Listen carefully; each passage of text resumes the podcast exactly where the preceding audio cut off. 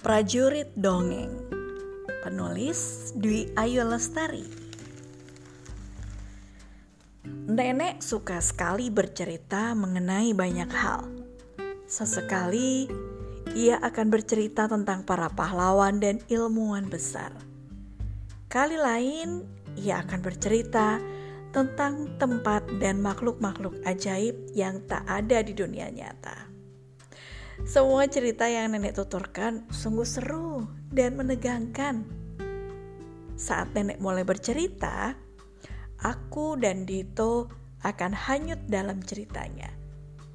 Jika waktu sudah larut malam, nenek akan menghentikan ceritanya, kemudian menyuruh kami tidur.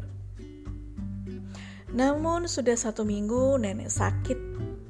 Sepanjang hari, nenek hanya terbaring di tempat tidur di kediaman kami di Palimanan, Kabupaten Cirebon. Bu, kapan ya nenek sembuh? Tanya Dito polos. Ibu tersenyum. Semoga nenek segera sembuh ya Dito. Jangan berhenti berdoa untuk nenek Dito. Dito mengangguk. Kemudian berbisik di telingaku. Kak Ziva, aku rindu nenek mendongeng cerita ajaibnya. Aku mengangguk. Kakak juga. Ibu lalu berkata, Selama ini, nenek yang suka bercerita pada kalian. Bagaimana kalau sekarang kalian yang mendongeng untuk nenek agar beliau cepat sembuh? Wah, seperti transfer energi ya, Bu. Celetuk Dito. Ibu mengangguk. Yap, transfer energi dari para prajurit dongeng. Wah asyik, aku mau, kata Dito. Aku juga, seruku sama antusiasnya dengan Dito. Semenjak itu, aku dan Dito mendongeng untuk nenek setiap pagi atau sore hari.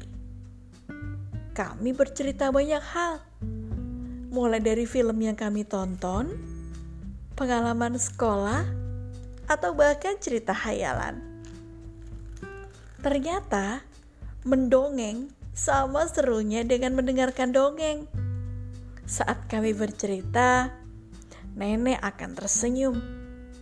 Sesekali tertawa dan mengacungkan jempol meski dengan gerakan perlahan. Hari ini aku dan ibu memasak bubur ayam kesukaan nenek. Seperti biasa, setiap pagi aku akan menyuapi nenek makan, kemudian bercerita.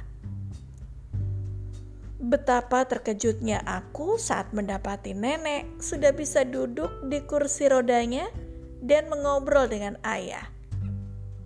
Nenek, sapaku sambil segera memeluk nenek. Wah, cucu nenek yang satu ini rindu mendengar cerita nenek katanya. Ujar ayahku. Nenek terkekeh. Alhamdulillah, nanti malam nenek sudah bisa bercerita. Benarkah, Nek? Nenek mengangguk. Tiba-tiba Dito berlari masuk dan berteriak, "Nenek!" Cucu kecil nenek datang. Nenek benar ya, nanti malam mendongeng lagi, seru Dito. iya, iya. Tapi kalian juga harus mendongeng untuk nenek. Siap, seruku dan Dito bersamaan. Kami kan prajurit dongeng. Malam harinya, seperti janji nenek, beliau menceritakan suatu kisah pada kami. Kami benar-benar senang. Akhirnya nenek sembuh dan dapat bercerita seperti sedia kala.